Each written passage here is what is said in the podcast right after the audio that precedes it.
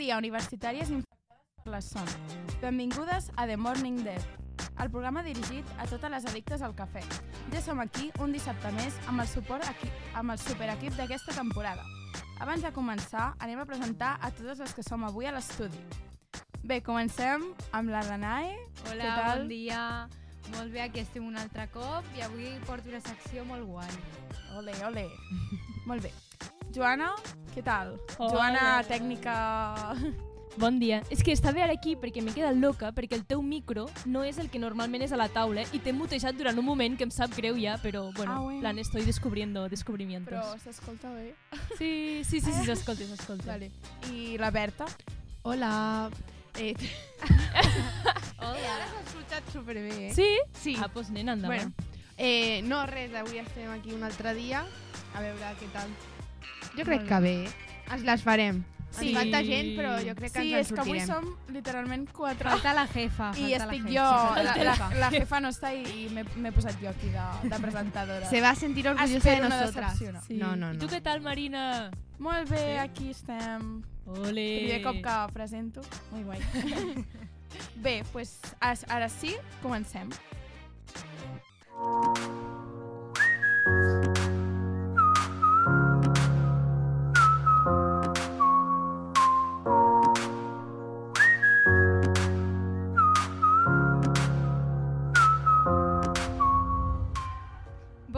Mornings. Això que esteu escoltant és Kill 'Em With Kindness, un temazo de la gran Selena Gómez. I és que avui he decidit fer una secció completa d'aquesta cantant. Bueno, cantant, actriu, propietària d'una empresa de maquillatge, aquesta noia fa de tot. Mocatriz. I m'agrada tot. Igualment, he decidit parlar d'ella per l'última polèmica que, per si no ho sabíeu, és que la Kylie Jenner i la Hailey Bieber s'han ficat amb ella per no maquillar-se les celles bé. Amb això hem de tenir en compte tot el context del drama que hi havia abans, però no entraré aquí, sinó que vull destacar alguns dels seus millors temazos, parlar una mica d'ells i a sobre recordar la meravellosa artista que és. Així es nota encara més que sóc Team Selena. Bé, comencem. Una de les cançons més antigues que té, anomenada Love You Like a Love Song, és la cançó amb la qual jo la vaig conèixer com a cantant, ja que de petita només l'havia vist a sèries de Disney Channel. Aquesta cançó no ha passat i és de moda, encara estrena a TikTok i és com una carta d'amor en tota regla. A sobre el vídeo simula un karaoke i ella està guapíssima, plena de rínxols. L'escoltem.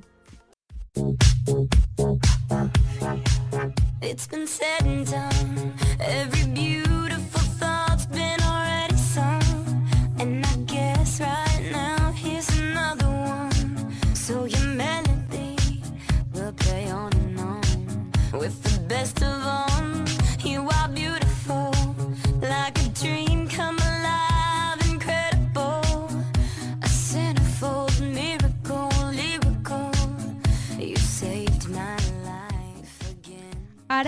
Passo a la més nova, People You Know.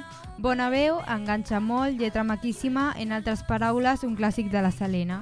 Es diu que porta indirectes a la Demi Lovato, una de les seves ex millors amigues de Disney. I aquí la teniu.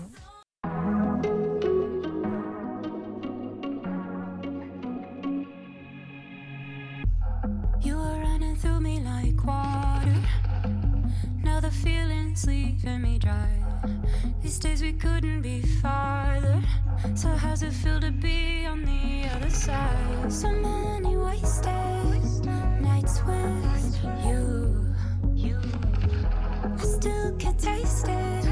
I hate it, wish I could take it back. Cause we used to be close, but people. Parlant de clàssics, no ens podem oblidar de The Heart Wants What It Wants, que parla, com bé diu el títol, de seguir el teu cor i que en part no pots escollir ni qui t'agrada ni què sents respecte a algú. La cançó és una de les meves preferides, l'escoltem també.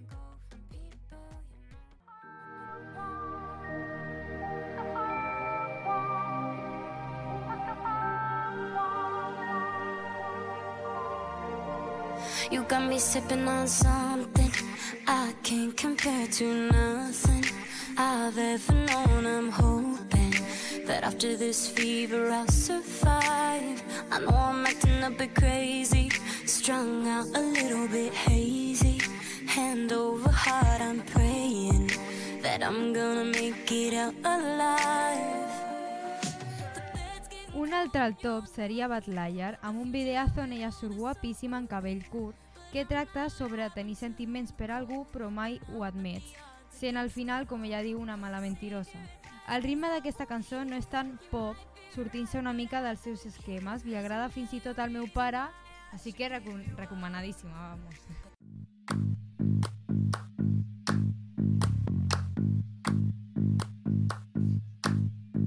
I was walking down the street the other day, trying to distract myself, but then I see your face. Oh, wait, that's someone else. Oh, trying to play it coy, trying to make it disappear.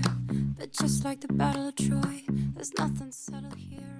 Hands to Myself, que ara posaré, és un altre dels seus temazos que parla sobre la fantasia de l'amor que normalment tenim les dones molt idealitzat. Ai, puc dir una cosa? Que aquesta, no sé si l'havia escoltat mai de cançó, però m'agrada molt i té com la base de Psycho Killer, aquella cançó que fa Psycho Killer, que és que sé... Sí, me l'ha recordat molt. Ja està. És molt guai aquesta cançó. Sí, sí, sí, me l'apunto. Can't keep my hands to myself. No matter how hard I'm trying to, I want you all to myself. Your metaphorical gin and juice. So come on, give me a taste of what it's like to be next to you. Won't let one drop go to waste. Your metaphorical gin Encara que m'ha costat molt escollir, aquí teniu l'última, Same Old Love, un altre temazo que fins i tot té una core als llurs dents. O sigui, va ser super popular. Thank you.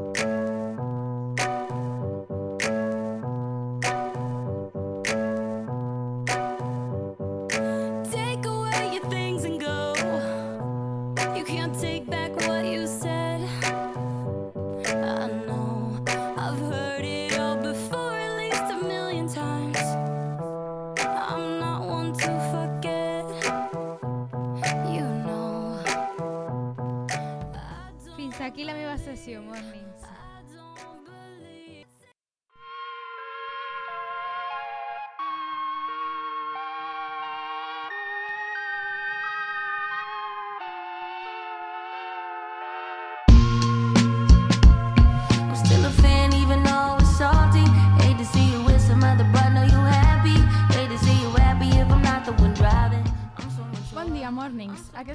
Torno a parlar de les exparelles de famosos més conegudes.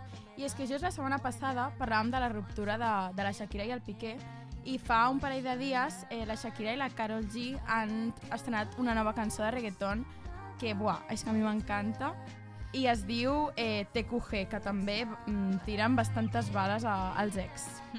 Una cosa, és espectacular i el videoclip que El fa ball, referència al show de Truman, la Sí, pel·lícula, sí. em sembla tremendo. I el ball i els vestits, bueno, El bueno, ball, és que... El de ball és TikTok que s'ha fet viral. El de El vull fer, el vull fer, és Ah, sé. senyores, t'ho juro. Bueno, l'escoltem, perquè té mazo.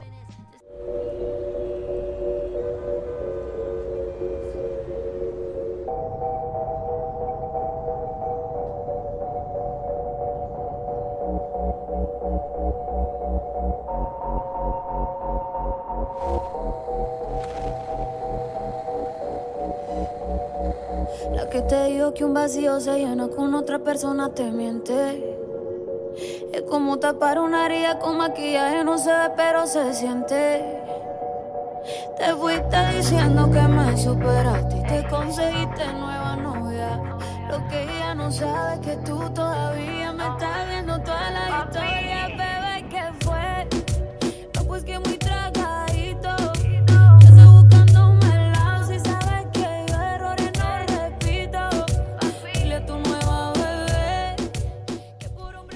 ja parlant de la Carol G, eh, aquesta també li ha dedicat algunes cançons al seu ex, la Noel AA, amb qui va estar 3 anys des del 2018 i van trencar l'any passat, el 2022.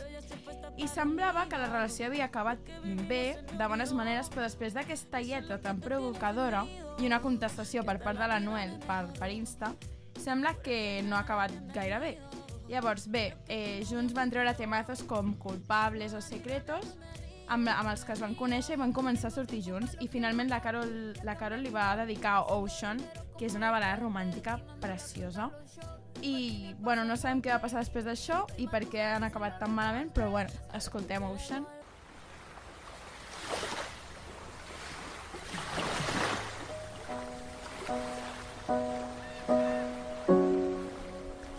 Si algún día te vas de casa,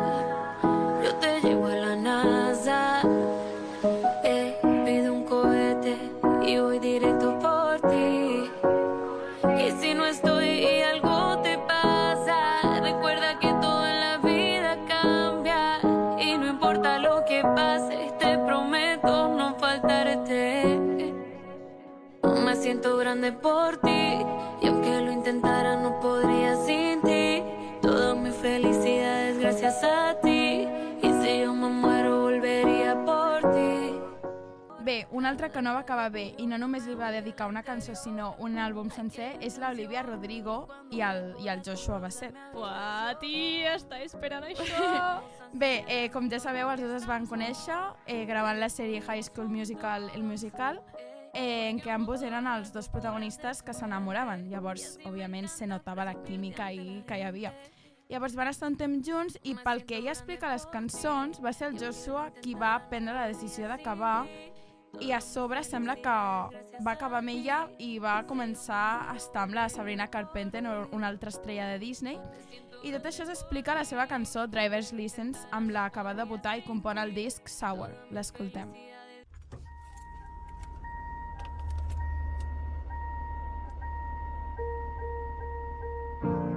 Got my driver's license last week, just like we always talked about. Cause you were so excited for me to finally drive up to your house. But today I drove through the suburbs crying cause you weren't around.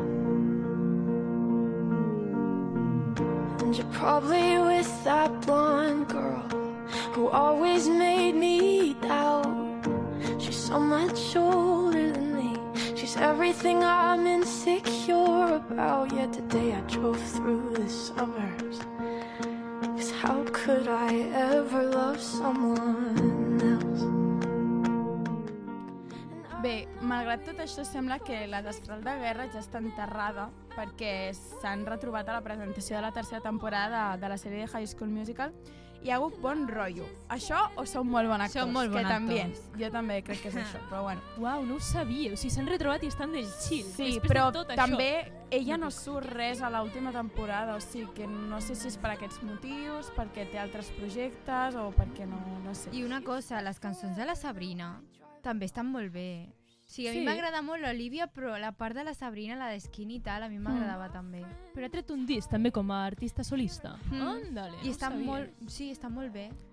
Sí, sí, aquí tothom de les experiències Hombre, treu... amiga, te lo digo. Bueno, total, que el disc, tot el disc de, de l'Olivia són temazos i encara que a mi m'agradaria posar-vos totes les cançons no tenim temps, Ojalá. així que jo us posaré la que per mi és la meva preferida de l'àlbum, que és la de Favorite Crime.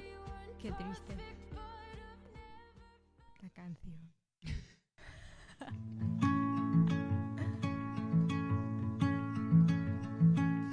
Know that I loved you so bad. I let you treat me like that. I was your willing accomplice, honey. And I watched as you fled the scene. Though white as you buried me. One heart broke, four hands bloody. The things I did. Just so I could call you mine. the things you did. Well, I hope I was your favorite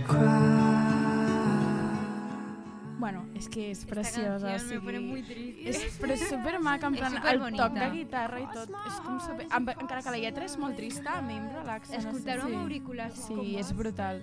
El ferro, tio. Si feu eh, UAB fins a Gràcia o plaça Catalunya, és que us dona per escoltar tot el disc i és un Literal. viatge tan meravellós. Main character total, eh? És total, eh? Sí, sí, sí. Moment. I si Sí, llueve ben ja... sí, sí. Bueno, És que és tremendo, tio. I necessari, perdó, eh, escoltar-lo com sense i amb ordre, perquè és tot el viatge que fa l'Olivia amb la ruptura. Sí. I és tremendo. Sí, sí, és necessari, ja està. Aquesta dona la amamos. Bueno, eh, Katy Perry és una altra, una altra de les cantants que més cançons de despecho té i un dels temes que la va fer famosa és la de Hot and Cold, que anava dedicada a un dels seus exnòvios, quan encara no era tan famosa.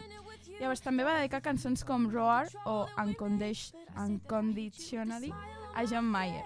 Que el John Mayer té lita, eh? Entre la Ja, Taylor ja. i la Katy li han dedicat... Sí, sí, Uau. i les dues li han dedicat cançons. Bueno, i no obstant això, després de la seva dura separació amb el Russell Brand, que és com que la, la que més n'ha marcat, eh, li va dedicar By the Grace of God, Ghost, Wide Awake o Part of Me, i escoltem aquesta última, que és de les més conegudes.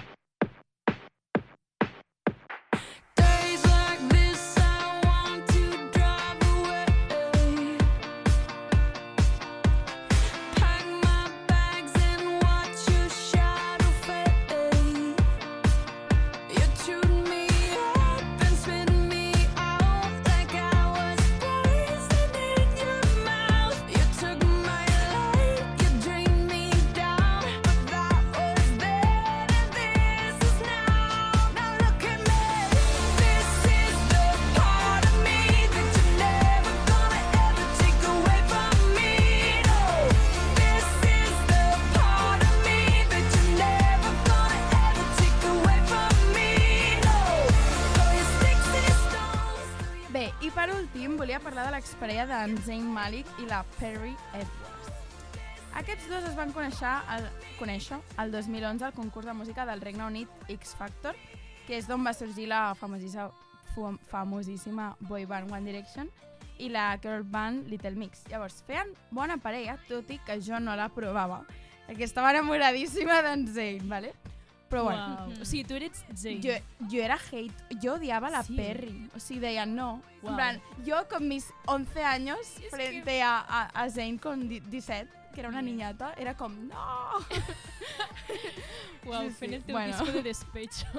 Total, que això, van estar com 4 anys junts, eh, però a l'agost del 2015, que va ser pocs mesos després d'abandonar One Direction, és com que en Zayn va dir a la mierda todo, va deixar One Direction i va deixar la, a la Perry, que de fet portaven molts anys i s'havien promès i tot. Vull dir, jo pensava que ja estarien junts. Bé, eh, i ella acaba explicant que en Zayn la va deixar a través d'un missatge de text. O sigui, Dios això de deixar per missatge de text, o sigui, what Després the fuck, me, em anys. sembla fatal, vull dir, no sé, responsabilitat afectiva, xico. Zero. Prou, és que prou. És Es que, que que fort. és un poco red flag, eh? O sea, Sí, ho he de dir, per això m'agradava, jo crec. Però hi ha moltes històries d'això de missatges de text. També a la... Com s'hi diu? A la Taylor Swift Sí, també la van deixar com Joe, amb un... sí, però és molt fort. I és també que... hi ha un vídeo supermític de la Katy Perry que la deixen per un missatge de text com minuts abans d'un concert en directe, d'una superactuació. Oh, sí, sí, Ah, jo I sí. està com desolada el camerino en plan, no, que me han dejado, que no sé vaya què. tela. I el manager li fa, però si vols el cancel·lem. I ella, no, it's que la, showtime. que la puyan, I'm a la superstar. puyan des de baix. De, o sigui, està com una cabina i la puyan Ja, al però escenari. pata. Sí. Así. Y la puyan al escenario y está como, no, por favor. és que brutal, tio. Ai, bueno. Bueno, que davant d'això la Perry li va dedicar Shout Out to My Ex. Eh, L'escoltem. Shout out to my ex. This is a shout out to my ex. Heard he in love with some other chick. Yeah, yeah, that hurt me, I'll admit. Forget that, but I'm over it. I hope she getting better sex. Hope she ain't picking it like I did, babe. Took so long, you said call it quits. Forget that, but I'm over it. Guess I should say thank you for the hate and the tattoos. Oh, baby, I'm cool. By the way. Bueno, un temazo. A més, eh, de seguida que van trencar, en Zayn va començar a sortir amb la, amb la Gigi Hadid, que és la protagonista del seu primer single en solitari, la, el de Pillow Talk. También temazo, ¿eh? Sí, sí, però jo el vídeo dije... Ya, Ja, el jo, amb, no sé quants anys tenia, 15 o 14, dije, ui, De què va el vídeo? No, Sexo. ver- pero no sale No pot. nada, eh? O sigui, no surt res, Però lo sugiere. però sí, és com molt Sí. suggerent. Aprendiendo Sí, el sí, sexo. sí. Wow. I, bueno, que han tingut una filla i tot, però han Ah. trencat, Ah. també. O si no sigui, estava la Gigi Hadid Bueno, amb el però- Leonardo DiCaprio o alguna cosa així. Sí, Pot bueno, parar, és que... Leonardo. Sí, Ja, una cosa, pot parar. chicos. Sí, sí, para de lligar amb ties joves. Bueno, És que però aquesta puja dels guapíssimes. 25, com a mínim. La- ahir vaig- Bien. L'altre dia vaig veure un meme molt graciós, en plan que deien eh, Titanic no hubiera funcionado igualmente porque Leo hubiera chutado a Rose cuando hubiera cumplido los 25. Totalment. Bueno, eh, fins aquí la meva secció. Us, espero que us hagi agradat i ens veiem la setmana que ve amb més salseo. I'm so brand new, baby. Boy, read my lips, I'm over you, over you. Mm. Yes, I should say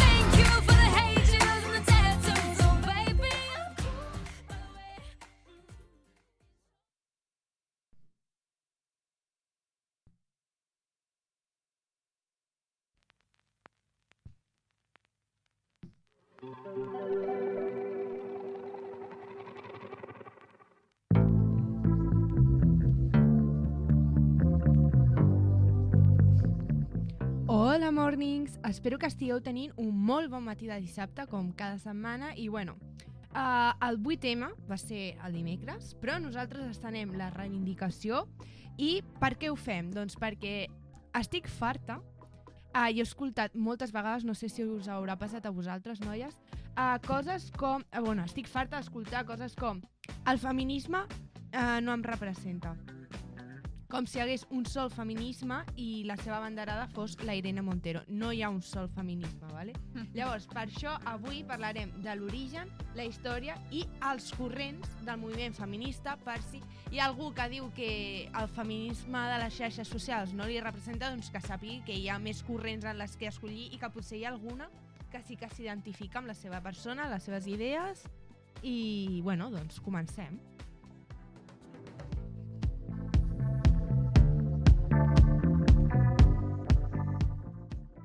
Bé, eh, doncs tenim que bàsicament eh, i de forma resumida eh, hi, hi ha quatre corrents del feminisme i cada corrent es rep el nom d'onada. La primera onada del feminisme, la segona onada del feminisme, la tercera i la quarta. Llavors, la primera eh, comença a mitjans del segle XIX, que és quan el feminisme eh, ja es conforma com a lluita col·lectiva, conscient i organitzada. I comença amb la Revolució Francesa. Per què? Doncs perquè el 1789 l'Assemblea Nacional Constituent Francesa doncs, va aprovar la Declaració dels Drets de l'Home i del Ciutadà, un document que reivindicava els drets fonamentals i proclamava la igualtat entre els ciutadans. Què passa? Que no considerava que les dones fossin ciutadans. Llavors, pues, aquest, moltes de les dones eh, que havien estat lluitant doncs, per aquests drets fonamentals i després, a l'hora de la veritat, doncs, no es van veure representades en el document, van dir, pues, pues hasta aquí, esto no puede ser. Eh, I llavors va ser quan les dones van prendre consciència doncs, de l'opressió que patien i van començar a reivindicar-se, tot i que ho van fer a través d'un feminisme més intel·lectual que no pas d'acció social, és a dir, més a través de textos, de manifestos, però no tant a l'acció, rotllo manifestació, vaga, mm, encadenaments, que això es desenvolupa més endavant. Llavors, com a representants d'aquesta primera onada feminisme, feminista trobem doncs, a Olímpia de Gouges o a Mary Wollstonecraft, que per exemple la Olímpia va escriure el 1791 la Declaració dels Drets de la Dona i la Ciutadana, és a dir, va fer així com una ironia de teniu eh, el decreto de los derechos del hombre, pues jo escric eh, el decreto de los derechos de la dona. Eh, que, bueno, com a conseqüència la, la van guillotinar el 1793, o sigui, no va acabar molt bé la aquesta. I després està la Mary Wollstonecraft, que eh, va reda- redactar la Vindicació dels drets de la dona al 1794, en què establia que la diferència entre l'home i la dona no era quelcom natural o biològic, sinó una cosa cultural, que és una mica la idea que va recuperar doncs, a la tercera onada la Simone de Beauvoir. Llavors, eh, aquestes primeres accions doncs, van desembocar en aquesta segona onada del feminisme, que és el sufragisme. Llavors trobem, primer és com, a la primera onada va ser com de pressa de consciència i primers textos. I la segona onada doncs, és la de sufragistes, que la demanda principal del moviment era, com el propi nom indica, doncs, el dret a sufragi, és a dir, el dret de les dones a participar en les decisions polítiques a través del vot. Uh, per què? Doncs perquè consideraven que era a través del vot i per tant a través de la política i de la representació del punt de vista femení en, en la política doncs, que les dones aconseguirien doncs, altres reivindicacions com la igualtat de drets civils, laborals, educatius, etc. Com a representants trobem, en primer lloc, a Demi Emily Davis i Elizabeth Garrett, que aquestes dues no dones d'Anglaterra van redactar uh, la Ladies Petition, la primera petició massiva del vot femení, i el document, que va ser signat per 1.500 dones, doncs va ser rebutjat per la Cambra dels Comuns d'Anglaterra. I després eh, també tenim altres referents importants eh, com les estadounidenques Elizabeth Cady o Lucretia Mott, que el 1848 eh, van redactar el primer programa polític feminisme, feminista, la Comissió de Seneca Falls. I en ell reivindicaven doncs, els drets civils de les dones i el seu accés a l'educació i al vot.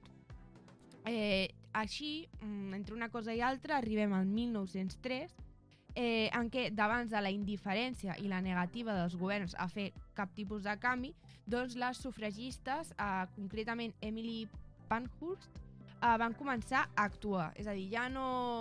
Es, es van adonar que això de parlar no funcionava i van dir, doncs comencem a fer coses. Llavors, van començar doncs, a irrompre en discursos polítics, a saltar mítings, a, a fer vagues, a encadenar-se a llocs mm, importants i a fer sabotatges o fins i tot a utilitzar explosius. Um, I això és una mica com l'inici o el precedent de la tercera onada que s'inicia al 1960 i és que què passa? Que abans que comencés doncs, la Segona Guerra Mundial, gràcies a l'activitat de les sufragistes, doncs, la major part dels països europeus ja havien aconseguit doncs, el vot femení. I eh, moltes dones, davant d'aquest d'aquesta novetat, d'aquestes noves llibertats i drets doncs, que els hi havia obert el vot, doncs, van començar doncs, a desmobilitzar-se. Però què passa? Que va arribar la Segona Guerra Mundial, eh, va ser com un parèntesi en què moltes dones doncs, van treballar d'infermeres o van haver de substituir els homes a les fàbriques d'armament, etc i doncs van viure durant el temps de la guerra una vida que d'altra manera no, no haurien pogut viure. I quan va acabar la guerra i va arribar l'hora de tornar a ser mestresses de casa uh, obedients, van dir, pues no és la vida que quiero y pues me hago feminista y, y me quejo porque yo no quiero volver a ser mm, mamá y, mujer i ja està. I llavors eh, trobem que després de la guerra de la Segona Guerra Mundial eh, les feministes van començar a reivindicar doncs, conceptes com el de patriarcat, o sigui, no a reivindicar-lo, sinó a lluitar en contra uh, del patriarcat, de van començar a parlar de l'origen de l'opressió de la dona, del rol que jugava la dona, els estereotips de gènere, la divisió sexual del treball, etc etc. I aquí tenim representants com Betty Friedan, amb la mística de la feminitat, en què deia que les dones eren infelices perquè el sistema les obligava a prioritzar la cura dels altres abans de la seva, o, com ja he dit abans, Simone de Beauvoir amb el segon sexe, en què defensava que el gènere és una construcció social i no una qüestió biològica. El no se nace mujer, se llega a serlo. I és en aquesta tercera onada que com que sorgeixen, o ja que es comença a dividir el feminisme i sorgeixen doncs, les dos corrents que són les principals, que són feminisme radical i feminisme liberal. Que la diferència entre amb dos resideix bàsicament en que el feminisme liberal doncs, lluita per les llibertats individuals de la, de la dona, tratant doncs, l'opressió, proposant solucions basades en les pròpies accions i decisions de la dona. Per exemple, feminisme liberal seria el que defensa doncs, la prostitució, el de si la dona eh, vol ser prostituta i està prenent la decisió per voluntat pròpia, doncs està en el seu dret a fer-ho i que faci el que vulgui. I després estaria el feminisme radical, que, com indica el seu nom, estudia la- l'arrel del problema i proposa doncs, mesures més dràstiques, ja de to polític i social, per poder establir doncs, una igualtat real entre, entre els gèneres. Uh, això pel que fa a la tercera onada. Llavors, mm, hacemos recopilación. La primera era, uh, bàsicament, doncs, presa de consciència de, de l'opressió i primers textos, primeres reivindicacions, però mm, tranquil·lites. Després, la segona onada és la de les sufragistes, volem el dret a vot per a través de la política poder començar a canviar el sistema. Tercera onada és, ara tenim el vot, eh, volem començar a canviar eh, tot el que se surt de la igualtat de drets civils que ja els hem aconseguit i arribem a la quarta onada, que és uh, la que ens trobem ara mateix, la que va començar als anys 80 i encara dura. És la del feminisme contemporani, l'actual, el del segle XXI. Uh, com he dit abans, el feminisme actual no és homogeni, hi ha corrents internes, això és grups en diverses tendències i orientacions que s'han institucionalitzat. Eh, això significa que s'han reunit en ONGs, en grups eh, que participen del govern, com per exemple, bueno, en el cas d'Espanya és no crec que hagi de, de mencionar-lo perquè just va ser just aquesta setmana passada doncs, que s'han fet tractes perquè hi ha el feminisme dins del govern, etc. I llavors, ja en aquesta última onada el que volia era com enumerar així de forma ràpida um, primer els temes que es tracten, que ara mateix el que es tracta és més doncs, davant de la igualtat davant la llei, doncs temes com uh, l'amor tòxic, la violència de gènere, um, la, el sostre de, de vidre, la diferència en els salaris d'homes i dones, etc. I després enumerar una mica totes les corrents feministes que existeixen actualment i ja cadascú, si vol, doncs, les busqui i vegi. Eh, comenzamos, mira. Feminisme filosòfic, anarquisme feminista, feminista feminisme liberal, radical, abolicionista, postcolonial, marxista, negre, transfemen, transfeminismo, uh, feminisme d'igualtat, feminisme de la diferència, feminisme científic, ecofeminisme, feminisme separatista, feminisme interseccional, feminisme masculí, feminisme lèsbic, eh, feminisme cultural, ciberfeminisme, feminisme provida i feminisme dissident. O sigui... Sí, que De todo, hay de todo. Eh, bàsicament, sí. O sigui, jo aquí la, la cosa que, la denúncia que volia fer és que estic farta d'escoltar uh, farta d'escoltar el típic machirulo que et diu yo es que yo no voy con las feminismas que son las de los eh, pelos eh, azules en los sobacos. No, és que, o sigui, Perdón. Que mare meva, tio. Eh, no, la imatge que té la gent de feminisme és com si només existís un, un tipus de feminista, que és la feminista radical nazi, que va en contra de l'home i l'odia. No, això per I que començar a més no és, més bueno, no és feminista. tot l'any i només se desperta pel 8 Sí. m. Diu, Sí, bon dia, la, esti- Catalunya. la típica frase de yo no soy ni feminista ni machista, yo quiero la igualdad. No, vale, pues, a, això no és així. O sigui, el feminisme és un moviment molt més complex, que té una història molt llarga, que jo l'he parlat molt per sobre i de forma molt superficial, però que realment li devem molt a aquest moviment, que actualment mm, pot, podem estar més a favor, més en contra del que s'està fent a través de, del feminisme, és a dir, reivindicant el feminisme, podem estar d'acord o en contra, però que hi ha moltes, moltes corrents, que al final les bases, els principis continuen sent els mateixos i, i què és això? Que mm, basar-se en estereotips, prejudicis per, mm, d'alguna manera, doncs, no sé com dir-ho, com desprestigiar el moviment no- té cap sentit i no s'hauria de fer, no s'hauria de permetre tampoc. I fins aquí la meva secció. No sé Total. si tenia alguna cosa a dir.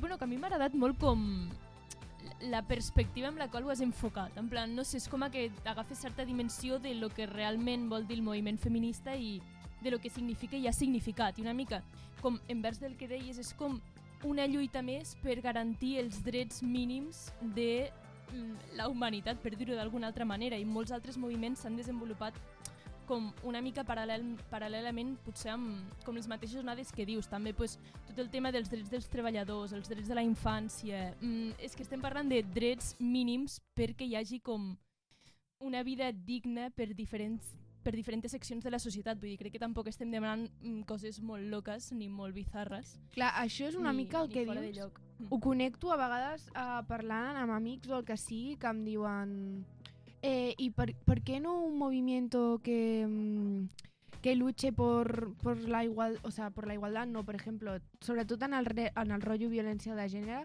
que lluiti en contra de la violència en general, no només un es dediqui únicament a la violència de les dones. Bueno, pues se inicia em refereixo, Mm. Que jo no estic a favor de la violència en general, que jo em reivindiqui en contra de la violència concretament cap a les dones no significa que jo estigui a favor de la violència cap als homes. Creus que falta un moviment? Inicia un? Total, total, Sí. total, sí. És que una cosa no treu l'altra i estar a favor d'un moviment no té per què significar que estàs uh, en contra d'un altre. I tots els moviments al final reivindiquen que s'acabi la violència cap a X sector de la societat. O sigui, també tots els moviments que són eh, antifeixistes, antiracistes i tots els que toquen qualsevol altra temàtica també lluiten perquè s'acabi una certa opressió que al final és una violència d'un altre tipus que no és físic, però avui també ho acaba sent. Al final Tots els tot moviments connectat. socials van en contra de, de la violència, sigui com sigui aquesta. No sé. No, és que és això, i bàsicament. I per això la secció. Molt guai. Molt bé. Posale. Tot només quedo. Jo tan sols un tros de vent que se'n va com tot l'infinit amb molt d'esforç em faig sentir més lliure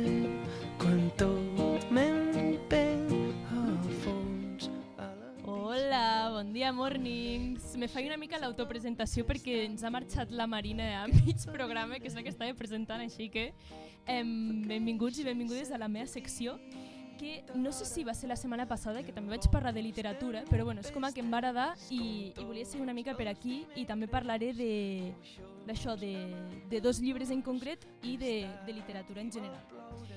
Primer he de dir que volia parlar sobre literatura lleidatana, escombrant cap a casa, Ojo. però al final he canviat una mica el tema perquè me venia, me venia mejor. Tot i que els dos llibres que, que recomanaré avui són d'autors i autores pues, també de, de Lleida. Així que, he Molt ganado. vale, doncs volia parlar una mica de d'aquests dos llibres a partir de, de les seves temàtiques que toquen, que són doncs, la sexualitat, maternitat, amors, relacions sexuals, romàntiques, frustracions també sexuals, religió, cultura, patrimoni i patriarcat. I tot això, tot, tots aqu totes aquestes temàtiques que al final doncs, regeixen bàsicament o parteixen d'això, d'una sexualitat frustrada en un entorn cultural que, que la rebutja i la fa tabú, i concretament parlant de, de territoris completament rurals on la pagesia i la ramaderia són doncs, el motor de, econòmic que, que hi predomina. Ah, llavors, em, trobo que aquests dos llibres, com altres llibres de literatura catalana que s'han fet, serveixen molt per entendre com en el nostre territori aquests llibres estan emmarcats bàsicament al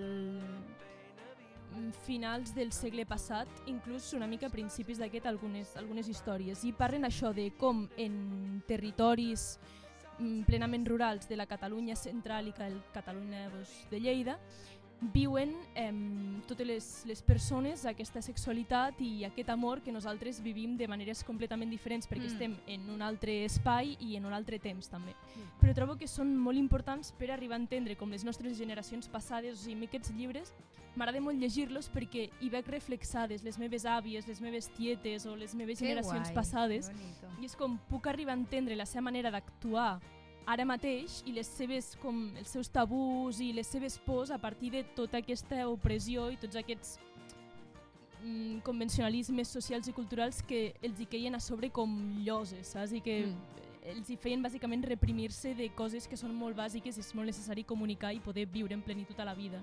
Perquè si no crees com jaleos mentals molt bèsties que transmet generació rere generació. Perquè també els meus tiets i tietes potser sí que no van rebre tant aquest ambient tan repressiu i tan rural, però sí que han sigut fruit i fills de gent que pensava i ha viscut aquestes vides. Mm. No sé, trobo que és molt important a vegades buscar petites històries del passat del nostre territori com per entendre el context actual de, de les nostres famílies i, i amics i amigues. Ah, llavors, abans de parlar d'aquests dos llibres que volia recomanar, també vull dir que volia com fer menció a altres, teme, altres títols de literatura catalana com bastant coneguts que potser us sonen i que també fan referència i expliquen una mica pues, això com era la, la sexualitat i les relacions romàntiques, amoroses i sexuals en el territori català. Aquí també n'hi ha alguns que tracten no tan rurals, sinó més burgesia, ciutat, Barcelona i tot això que també trobo que són grans radiografies de, de les relacions in, interpersonals pues, en, en, aquests, en aquests contextos, que són doncs, Mirall trencat, Uf. Com no, s'havia de, de dir Mirall trencat, que això també va sobre una noia vivint a Barcelona, les relacions que té... Bueno, a mi m'encanta, és un llibre que em m'agrada moltíssim. A mi també. Després el de Nada, de Carmen Laforet. Ai, també. me l'he la llegit, Cel. sí. Sí, sí, sí. Jo sí, me l'he sí. llegit perquè la meva germana s'ho havia de llegir per la Cele i És molt guai, per a mi casa. va, Sí, sí. sí, em va agradar. Sí, sí, la manera com descriu tot el personatge, totes les seves relacions, com els sentiments interns, les repressions que es fa ella mateixa, m'agrada moltíssim el de Nada. Pedra de Tartera també, que va sobre mm, això, una noia que representa que no serveix per a res, perquè Bueno, ara mateix no recordo ben bé, però com a que no la podien casar, crec que no es volia casar, llavors Pedra de Tartera és com algo que cau per un precipici i no serveix per a res, doncs una mica crec que era aquest el paral·lelisme, perdó si m'equivoco. Després també hi ha el de Terra Alta, aquesta noia que és arrencada del seu territori per anar-se a casar en un altre lloc amb un home que ella no ha volgut mai, i bueno, tot això tom, també forçat. Tirant lo blanc, he de dir que també és com un dels primers llibres, crec, de la literatura catalana que parla sobre sexe i relacions sexuals. episodis agradar, amorosos. Eh? O sigui, Sí, sí, sí, Els sí. episodis amorosos vam llegir a classe. Eh, Mm. ara mateix, clar, Tirant-lo blanc, no et sabria dir si era una ficció o un llibre basat en coses reals, però bueno, suposo que de Deien que l'època existia ell, però la... hi havia una mica de ficció. de l'època tindrà, doncs estarà basat en, en les pràctiques de l'època i hi havia coses muy turbias, Sí, sí, sí, sí, sí. muy turbias. Como desviaciones un poco extrañas, que dius, Sí. bueno, potser no caldria tampoc. Bueno, és que el tirant tenia com 30 anys i la noia, que 12? Sí, però és que per començar jo recordo que em vaig llegir els episodis amorosos i o sigui, no sé si ho recordo bé, potser la Dana ho sap millor, però com gent mirant mentre altres persones tenen relacions sexuals, No gent amagada, coses... Però sí. Coses un poco turbias. Sí. Però Sí. que tot i que aquest sigui molt antic, amb un llibre que m'estic llegint ara, que ara en parlaré, també hi ha episodis que parlen d'això, de com el, la pràctica voyeur, de mentre Sí. dos estan fent la seva primera relació, perdent la virginitat, una vegada ja s'han casat la nit de bodes, gent com mirant i espiant-los per assegurar-se que ho fan bé, com també hi ha aquest element que es feia molt abans d'assegurar-se que el sexe aquest és pur, saps? Sí. I que s'està fent bé. Vull dir que lo voyeur dins de, del sexe antic cultural és com algo normal, cosa que m'escandalitza una mica. Però plan, jo em quedo sobretot amb el rotllo del secretisme perquè potser són coses que ara es fan però es fan de manera oberta, rotllo, pues és el, el que m'agrada, pues ja està, punto. Però era com tot aquest ambient de, de secretisme, de, no sé, era com raro, Sí. raro. Inclús Sí, sí, la sí. regla, és que inclús la regla era Sí. ja un tema... Sí, sí, Sí. sí. Amb coses tipo, t'ha vingut la floreta, o no sé què, ara estàs bruta. Jo, ai, mami, senyor, què m'estàs contando? I arrencar la pàgina. Voy a quemar. I llavors aquest, el de Tirant lo blanc, i les dues últimes mencions que volia fer, el de Solitud i a l'home, que també Oh, són... Solitud. Sí, Solitud. Figures femenines com havent de lluitar sobre un món profundament patriarcal i patrimonial, soles amb... i acabant completament perjudicades i destrossades. Però és que ja solitud no és només la història, sinó com està escrita. És preciosa. Segurament, jo ara diré, eh, recomano que la llegiu, però segurament si jo me l'hagués llegit sense l'ajuda d'un profe, que perquè en el meu cas me'n va entrar al batxi, n- no hagués entès una merda.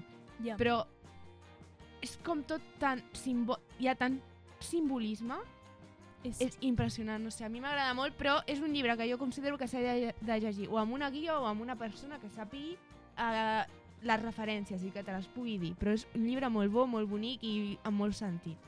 Completament cert. Jo també me'l vaig llegir a literatura catalana a segon de batxi i també va ser guai perquè el vam treballar a classe. Llavors entens tots els simbolismes, la natura, la muntanya, els viatges, tremendo. En plan, Me va flipar també. I la figura de la dona que... Sobretot al, al final com acaba és tipus, joder. Sí. Com que, al, no sé si m'equivoco, era com que al final com que guanyaven les forces de la natura, rotllo... No guanyava ella, No, guanyava com la vida, per dir-ho d'alguna manera. No sé, és que era com pessimista i, Hmm. i positiu al mateix temps. No sé, molt bo. és la destrossa del personatge per a que aquest se'n doni compte que ha de fugir d'allà. Però la destrossa Sí. completa. Sí. És com que fa un viatge intros introspectiu, la, Sí, la sí, sí, sí. protagonista, i és com que és positiu perquè descobreix moltes coses d'ella, però és negatiu perquè és que al final... Pues, pues, pobrecilla. Hmm. No, no faré spoiler, però pobrecilla. Jolín, yo no lo he leído. Amiga, léetelo. a leer-lo. I llavors, això, hem parlat dels clàssics de literatura catalana, els dos que volia citar, que són prou actuals, aquests dos llibres, crec que són no sé, un dels 2000 i l'altre de fa un o dos anys, vull dir que estan xulos. Un és el de històries de l'amor pagès, costums i usos amorosos dels pagesos catalans, que me l'estic llegint ara, tia, és que o sigui, el nom pot semblar cutre, però és que està tan ben escrit i és tan bonic que l'autor és Felip Vendrell, que és un pagès i ceramista nascut en la postguerra espanyola del Solsonès. I també estan molt ben escrit les historietes, o sigui, és un llibre molt petit, que es Mm. llegeix superràpid i va de petites històries. Pues una de com va ser la pèrdua de la virginitat d'una noia en la seva nit de bodes, l'altre de com la van vendre o casar amb el veí perquè tenia més terres que l'altre però ella no l'estimava, com totes aquestes pràctiques sexuals i romàntics, romàntiques que es feien com forçades i on tu, com a dona, no tenies ni dret ni vot de opinar sobre res Mm. i acabaves com passant la vida amb algú que potser te la sudava o fent algo que no t'agradava, saps? I això són mini-històries i a més estan molt ben fetes perquè aquest home, eh, a part de ser d'aquest ambient i d'aquesta època, també li agrada molt com parlar amb la gent del seu entorn i aquestes històries són a partir de de- d'entrevistes o xerrades que ha tingut amb, amb gent i coneguts del seu voltant, que per això també estan molt ben explicades.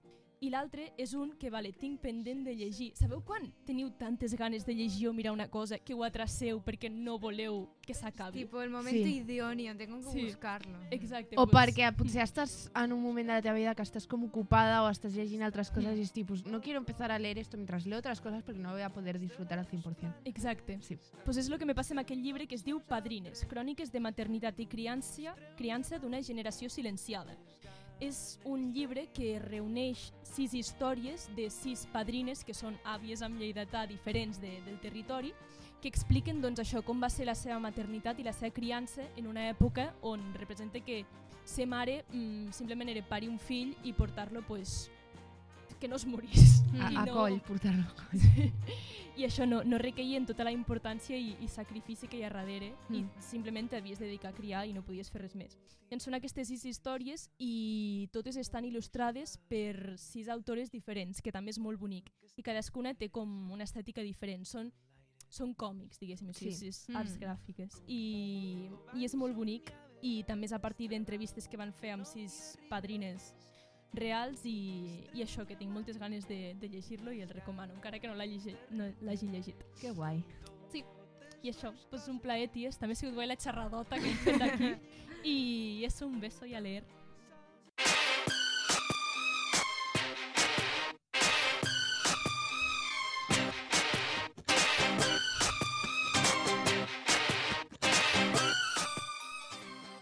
Bueno, mornings, doncs fins aquí el programa d'avui. Uh, jo crec que per haver faltat la Noelia ens ha sortit prou bé.